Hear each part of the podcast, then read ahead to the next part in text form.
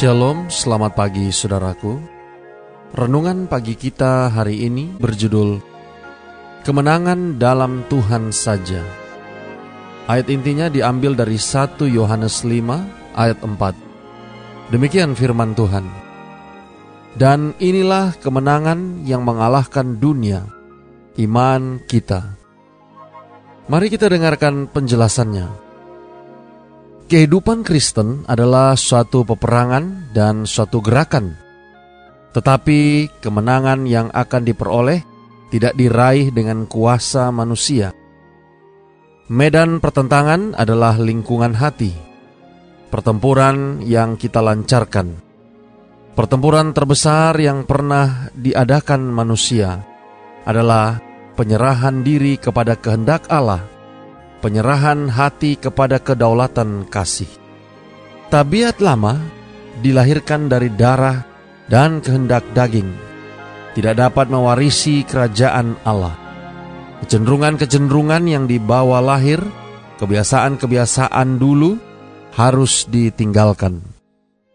Orang yang bertekad untuk memasuki kerajaan rohani akan menemukan bahwa segala kuasa dan nafsu dari sifat manusia lama yang belum bertobat, yang diperkuat oleh kekuatan kerajaan kegelapan, sedang berjuang melawan dia.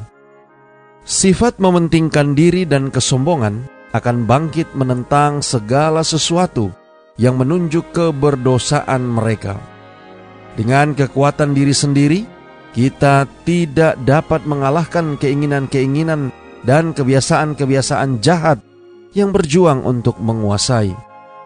Kita tidak dapat mengalahkan musuh yang menahan kita dalam perbudakannya. Allah sendiri dapat memberikan kemenangan kepada kita. Dia ingin supaya kita menguasai diri kita, kehendak dan jalan-jalan kita. Tetapi, ia tidak dapat bekerja di dalam diri kita tanpa izin dan kerja sama kita. Roh ilahi bekerja melalui kemampuan dan kuasa yang diberikan kepada manusia, tetapi kita diperlukan untuk bekerja sama dengan Allah. Saudara-saudara yang kekasih di dalam kemenangan tidak diperoleh tanpa doa yang sungguh-sungguh, tanpa merendahkan diri dalam setiap langkah, Kehendak kita tidak dipaksakan untuk bekerja sama dengan wakil-wakil ilahi, tetapi harus diserahkan secara sukarela. Sekalipun dapat dipaksakan kepadamu ratusan kali lipat kehebatan pengaruh roh Allah, itu tidak akan membuatmu seorang Kristen, seorang warga kerajaan yang layak untuk sorga. Benteng setan tidak akan rubuh. Kehendak harus dibenamkan pada kehendak Allah.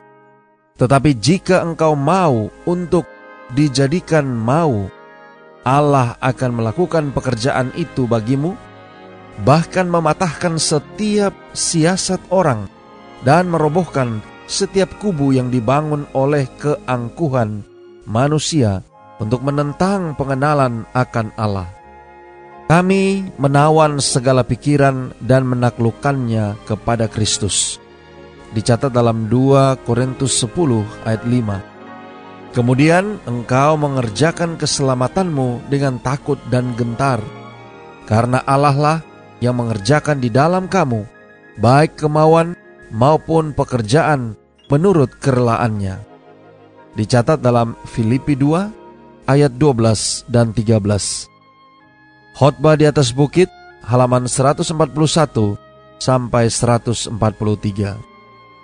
Doa kita hari ini. Bapa, terima kasih.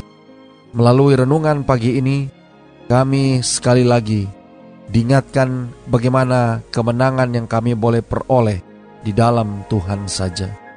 Terima kasih melalui renungan pagi ini kami diajarkan bahwa dengan bersandar kepada kekuatan kami sendiri, maka kami tidak dapat mengalahkan keinginan-keinginan dan kebiasaan-kebiasaan jahat. Tolong kami hari ini Bapa, biarlah dengan pertolongan kuasa roh kudusmu, dengan bergantung sepenuhnya kepada Tuhan, maka Engkau sendiri akan memberikan kekuatan dan kemenangan kepada kami hari ini. Terima kasih Bapa. Inilah doa dan permohonan kami kepadamu. Di dalam nama Yesus kami berdoa. Amin.